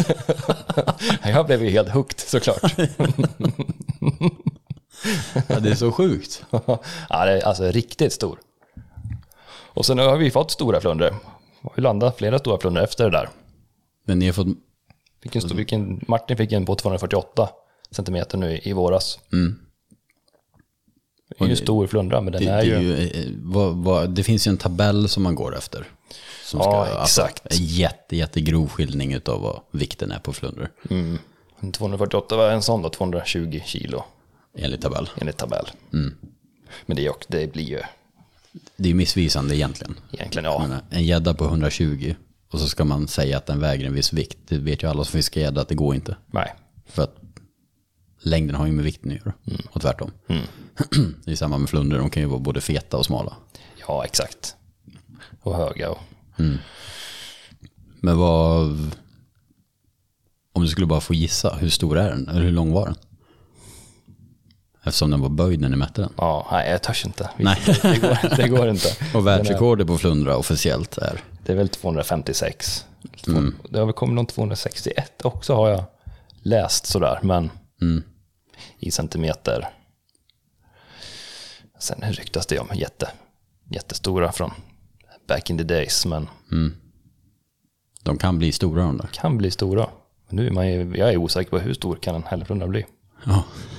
Men, så, du, du försöker ju verkligen ta reda på det i alla fall. Ja, exakt. Nu är jag ju nyfiken. Nu vill jag ju bara ha en till chans. Vad är ditt mål då? Mitt mål är att få en flundra som är 265 böjd Med en krok. med en krok. Och Ja, en stor krok. ja, ja, för nu har ni ju bytt upp i det här. Ja, För vanliga de här krokarna som standard som man... Alltså de- den ni hade i båten då som inte gick runt under käken. Så den storleken kan man väl gaffa en två meter på liksom. ja gud ja, enkelt. Ja. Två och en halv meters går ju också. Sen är det såklart att alla flundror är väl olika. Med olika grova ja, såklart. Så. Ja, precis. Form på huvudet och Men nu har ni alla båtarna en riktig krok. Som en är, riktig. som är tokigt överdimensionerad. Ja, ja. Världsrekordkroken. Men nästa gång så har du en riktig krok. Ach, det, det, är så sjukt. Ja, det var helt... Och det blir, det blir väldigt konstigt, berätta det för en mikrofon, för det låter ju som sånt ljug. Ja, men det är ju, hade jag trott att det var det minsta ljug hade jag inte be- bett dig att berätta den här historien. Men det är ju så här, Men det var coolt. Det var, det var riktigt häftigt. det är så, det är så sjukt. Det är så sjukt. Det är så sjukt. Men det man, eh, fick jag lära mig första gången jag var upp tror jag fiskade flundra. Det var ju att om du tror att du sitter i botten, linda aldrig liksom linan runt handen och dra eller sådär. Liksom för dra av en lina. För Nej. är, det en stor flundra så sliter den ju av allt på din hand liksom. Ja, det blir ingen höjdare. För det är ju många som har trott att de sitter i botten och sen drar iväg. Ja, det händer nog. Det, menar, det krokas nog en och annan sån där riktig håll käften flundra varje år. Men det är många kommer ju upp, många fiskar med, med utrustning som är, ja det är ju ingen big game utrustning. Man kan ju inte räkna med att få en 300 kilos flundra. Nej. Men det är som det vi gör nu. Vi anpassar inte utrustning för att fånga en 300 kilos. Nej, precis. Vi vill verkligen inte fånga en 300 kilos. Nej. det vill vi inte. inte nu. Vi vill ha en 80 kilos. Ja, 80 då kommer vi få smärta. Inte 300. Nej, nej, precis. Men det är ju det som är coolt med flundra att de... Ja. Nej, men det är en bra fisk att välja om man ska fiska en fisk resten av livet. I alla fall om man kan bo här uppe. Mm, ja. Annars blir det lite fiske per år. Annars inte så bra. nej, det är kul med variationen med. Hur många flundror över två kilo har du landat nu? Över två kilo är det många. Eller med 200 centimeter. Det det är tre stycken på, på mitt spö. tre och en halv domaren där som kom undan. ja.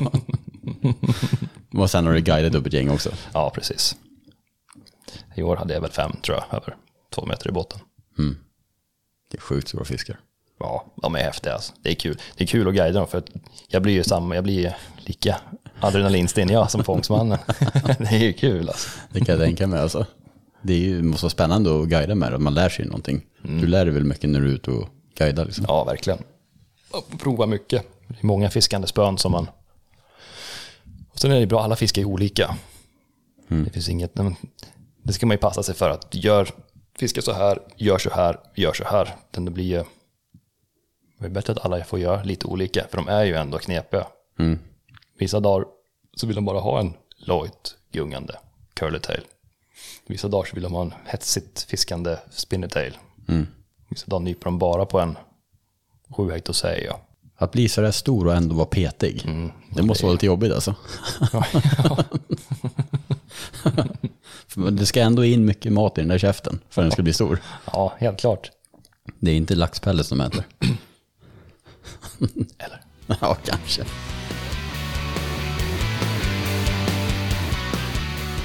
Men du, apropå fiskehistorier. Det finns en som jag älskar också. När du jobbade på Huntyard i Gnesta. Och ni hade varit på Sportfiskemässan. Så kom vi tillbaka och skulle packa upp montern sent söndag kväll. Just det. I, i butiken. I butiken i Gnesta, just det. Mm, berätta om det. Ja, För det beskriver också dig som, som fiskare tycker jag. Ja, vilken tänker du på när? Inbrottsförsöket. Ja. För det som hela historien avslutas med där. En bra beskrivning på vilken typ av fiskare du är. Ja, hur var det där? Det var också jag och Martin. Varit på mässan, exakt fyllt ett släp. Åkt in till, eh, åkt tillbaka till Gnesta, skulle lämna av alla dessa prylar. Och så skulle vi tillbaka, skulle tillbaka till mässan på morgonen. Så vi bär in några kartonger. Martin slänger ut sådana där gosedjur på golvet, ska sova på. Jag har väl någon karpsäng tror jag. Vi kommer väl i säng där vid ett eller något. Han går och lägger Jag ska upp, jag ska upp rätt tidigt. Tänkte vi slaggar några timmar i, i, i butiken. Så vi hinner väl sova två timmar tror jag. Sen vid tre så vaknar jag av en, alltså en sån jävla smäll. Så hela väggen bara vibrerar i butiken. Och helt sliten efter mässan, helt yr, kutar jag upp från, från jag låg i köket och slaggade. Och så upp, ut i butiken, ser Martin ligger på de där gosedjuren, han också studsar upp, vad är det som händer? Och sen bara smäller det igen. Det, det är någon som gör inbrott, så vi springer iväg till dörren. Nej, här är ju ingen. Och så hör man motorljudet, och så varvar det ur, och så smäller det igen. Och så kommer det en bakdel på en Saab 95 rätt in genom väggen. så vi tänder i lamporna där. Martin han tar tag i någon kaffebryggare och jag tar tag i någon isborr. Och tänkte, nu är det, måste vi försvara oss. Men de ser väl att, att det tänds, att det springs runt där inne. Så de bränner iväg. Och så kommer en Securitas bil. Vi ringer polisen då och säger att nu har de kört in en bil i butiken, nu får ni skicka någon. Så kommer den här Securitas-bilen, det är ju bara 20 sekunder efter. Ja. Så jag springer ut. Så bara det var en Saab som körde in i butiken. De brände iväg här, åkte däråt. När du följer efter den så kommer du se den. Så säger jag, jag vet. Så bara, "Ja, bra, kör. Ja, ja, ja. De, de, de har varit här, eller han har varit här i hela veckan. Så vad vadå hela veckan? De har ju åkt, åkt efter. Polisen är ju också på gång. Nej, jag tror det är zigenare. Va? Ja, ja, kom, kolla. Så, så går han ut till min Saab. och, och lyser in med ficklampa och ser alla dessa meteprylar. Och, ja, det ser ju ut som en uteliggare som bor där. Alla grejer i bilen. Är karpsängar och det är spön och kläder och allting. Ja. ja så åt han, skärp dig. Det här är min bil. Och efter tjuvarna. Nej, de åkte inte fast kan jag säga. Det är så jäkla bra att han hade span på din bil och trodde att det var någon som bodde utanför butiken. Men det beskriver ju dig för du fiskar så pass mycket så du har allt i bilen liksom och är redo att fiska varje ledig stund. mm, Kaos. kaos. Ja. Ja, men det var mycket. Mycket fiske innan jobb och efter jobb. För lite sömn. Fortsätter sådär. Ja. Sömnbristen. Men det är ju så jag känner dig. Det har ju alltid varit någonting. Och Det det, är, det är- ja, men det är kul att fiska alltså. Det är verkligen kul.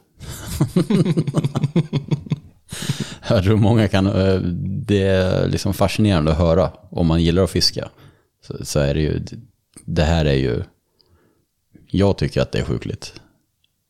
Ja, Ditt ja, sätt att nej, fiska. Nej, friskt är det inte. Nej. Det kan man inte förneka alltså. Nej. Nej. För någon som är så psykiskt sjuk som dig, som fiskar på det här sättet och har gjort det i ja, väldigt många år nu. Har du någon fiskedröm? Att linna in den här podden med. Ja. Det, det är väl lite, varierar väl lite grann. Nu har jag ju fiskat väldigt mycket abborre i Sörmland. Så jag skulle vilja ha en stor två kilos ifrån Sörmland. Det är drömmen just nu. Just nu är det det. Hur ska det, hur ska det gå till då? Alltså vad är scenariot om du får drömma fritt? Mm, ja, då är det ju en... Vad är det för dag? Vad är det för väder? Vad är det för förutsättningar? Ja, men det är ju soligt och fint. Det är ju kanon, kanonväder såklart. Ja. Det är njutbart. Två minusgrader. Är det på våren eller hösten? Ja, det här är i... Här är i eh, slutet av december. Åtta centimeter kärnis. Ja, det är på isen alltså. Ja, det blir pimpel. Det är så kul att pimpla abborre. Så det har jag gjort mycket nu, sista fem åren kanske. Ja, det är ju rimligt ändå, för det är bara på vintern du kan fiska den, för du är ju här resten av året. Exakt. Ja, Så blir det, det är klart man hinner med en liten sväng på hösten där innan, innan isen kommer, men sen kommer ju isen. Och ismetat har jag ju. Det har jag gjort väldigt mycket. Så jag har ismetat sönder mig lite grann. Och hittat till pimplet. Och då ett med, med, med ekorod. så man kan se dem så att dyka upp och stiga. Och... Ja, exakt. Nej, men alltså, jag tror dagen ska börja med en skaplig, en sån här 1400 i alla fall. Man känner sig lite halv. Så, ja, men det här blir en fin dag. Ja, Och sen ska det gärna gå hela dagen. Ska komma. Man, ja, man får ju den där på morgonen, första timmen där. Och sitter man bara i samma fyra hål. Går lite fram och tillbaka, för här kommer det komma en stor. Gör det ofta så att du borrar upp några hål och alternerar emellan? Eller? Jag väljer ofta ut ett område där jag känner här, någon, någon gång under dagen kommer det komma någon, någon, någon raid här inne. Någon kommer ju dra på någon jakt. Och då vill jag ju sitta. Det spelar väl egentligen ingen roll om jag sitter 70 meter däråt eller. För det känns som att då simmar de runt och har sin jakt. Det kan vara över på fyra minuter. Men är jag bara där på rätt ställe där de ska upp. Ju- ja, jag har ju fått många stora abborrar på det här viset. Och bara, så det, det blir som ett... Det blir nästan mete, det där ekorotsabborrpimplet som jag sysslar med. Mycket att man inte har ett flöte att kolla på, man har, ett, man har en skärm. Ja, men det är ju som man väntar ut fisken på rätt ställe. Ja, exakt. Men det är klart, ibland tappar man ju lite, så man börjar borra runt lite grann. Men... I sina svaga stunder. Ja, precis. Tre dagar utan ett napp. Bara ett nytt hål. Nej, det är bra, borra runt lite grann såklart. Inte bli helt, helt fast på ett. Vad är det för typ av bete då? Som du helst vill att du ska hugga på? Man får gärna hugga på en, på en tjädjigg, Mhm, sitter med en tjäderjiggare alltså? på en jiggskalle. Ja, coolt. För då sitter den bra krokad. De tycker jag funkar oftast bäst. Tycker jag. Eller en vanlig sån här. Fem, 55 vertikal perk. Men jag tycker man tappar mer fisk på dem där. En jiggskalle en jiggskalle, den sitter bra. Ja, men med krokas de på det så är det ju ofta Ja, Bra, liksom. ofta. Slipper man det här. Det brukar alltid vara en nervös stund när de ska upp för hålet. Då. Där tappar man ju många stora. Att man kör, man kör en balans och den sitter på, sitter på mittenkroken och sen hakar sidokroken i iskanten. Sen sitter den fast där, så ser man den stora abborren och så, Ja, vilken ångest. ja, ja det suger. Ja, det är klart, för det blir som två enterhakar som bara öppnar för business där. Mm. Ställer till problem. Ja, en Ja. jiggkrok sitter den i den, då är det ju Ja, lugnt upp i hålet. ja. Nej, så jag tycker jag fiskar sällan med balans. För det är för många gånger att tappa fisken i hålet. Mm. Kör gärna en jigg. Nej, den ska, ska komma sådär i sista ljuset. Ja. Stort tvåkil, ska vara 2,3 eller något. det ska inte vara någon snip två. Nej, det var riktigt. Hur lång är den då tror du? Ja, den är väl 51. Bra kondis. Ja. Grov. Inte så tjock. Bra nacke. Har du en rödbuk? Ja, det har den. ja, det hade varit kul. Kul att det inte var en flundra. Det var oväntat. Jag trodde det skulle vara någonting med flundra faktiskt. Kanske det blir sen. Det blir det säkert. Nej, det blir ju... Fiska så mycket flundra så det är klart man drömmer om, om stora flundror. Men man är ju man är ju fiskare så man längtar ju alltid till, till någonting annat. Eller en ny årstid. Det finns ju alltid något man går och... Gräs är alltid lite grönare Ja, på andra exakt. sidan. Det är ju så. Nej men du eh, Alex, tack så jättemycket för att du tog dig tid här ikväll. Ja, men tack detsamma för att du plågar mig med det här. Ja, jag tycker du skötte dig bra. ja, Det är det, många förstår inte hur stelt det blir framför en mikrofon. nej, jag kan berätta att det blir det. Nej, det- så illa är det inte. Det blir ändå speciellt. Men jättetrevligt att snacka med dig en sväng här. Och jag hoppas att ni som har lyssnat på det här har uppskattat det här avsnittet med Alexander Strid. Och om man vill komma i kontakt med Camp Halibut, hur gör man då bäst? Om man vill boka en eh, guidning eller så här. Nej, men dra ett, ett mejl till info.campalbat.com. Mm. Det är det bästa. Eller på Facebook. Ja. Och så har ni även en Instagram, också. Instagram funkar också. Camp Halibut. Och vill man följa dig så heter du Alex understreck Camp Halibut, eller? Alex Strid till och med. Alex Strid. Mm. Jag kommer i alla fall, det är såklart i avsnittsbilden på Time is Fish understreck podcast Instagram, såklart tagga Alex och, och kampen så att ni lätt kan hitta till dem om ni är sugna på lite storviltsäventyr i Norge. Och något vi inte har pratat om också, det är ju faktiskt eh, rödspättafisket. Ja, det är kul. Ja, ni hör ju hur han gick igång nu alltså. Det är många ser rödspätta som någonting man gör eventuellt om man kanske blir inblåst när man är och fiskar hällflundra och sådär. Men det är ju klart att du har tagit det till sin yttersta spets och jobbat för att hitta stora rödspättor. Så är det såklart. Det är också, gillar man, gillar man abborrjigning så gillar man rödspättafisket. Det är samma det här finliret, finess, små detaljer som Handledsfiske. handledsfisket, ja. Och det finns stor rödspätta här. Det är stora. Det går nog att hitta alltså riktigt stora. Nu har det kommit, nu har det kommit väldigt stor, stor rödspätta runt Söröja i år. Så det är väl, alltså norra Söröja är väl, skulle jag säga, just nu världens bästa ställe för stor rödspätta. Och vid stor rödspätta, vad är det? 5,2 har det kommit här. Det är fasen en stor rödspätta alltså. Men det har ju också börjat, börjat skrapats på ytan. Ja, för det är ju en art som känns som att den är helt... Det är en bifång, alltså det är en bigrej. Man gör bara det när man blir inblåst. Ja, exakt. Och då är det ju oftast sämst förutsättningar för rödspättafiske. Att, Ja, för de gillar också fint väder och lugnt väder. Och ni har ju bra fiske här precis utanför kampen. Du visade Ja, den så är det platsen vi åkte ut ja. igår. Typ 20 sekunder från kampen. ja, Så även om man blir inblåst här kan man göra rödspättafisket. ja, i sällan man blir helt inblåst. Det är väl en sån här dag när det blåser 20 sekunder. Ja, men den här veckan, ni sa väl att sån här dåligt väder har ni typ inte haft på hela säsongen, Nej. alltså sen i mars. Ja, exakt. Så det är maximal otur. Ja, men det som är bra för oss är att vi har inget bråttom hem och ni stänger kampen om några dagar. Vilket betyder att du inte heller har något bråttom hem. För det ligger ett högtryck från Grönland som är på väg neråt. Så det här kan bli riktigt bra. det blir eh, lugnet efter stormen. Ja, exakt. Jajamän. och det får ni se på, på YouTube sen kommer vi släppa den här lite dokumentäraktiga filmen om spelfiske efter flundra. Coolt. Det blir bra då.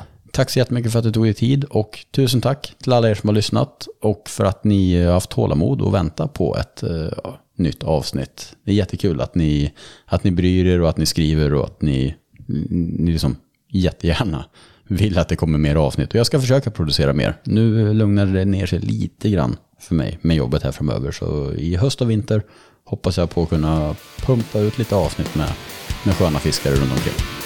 Så tusen tack och ha det så bra.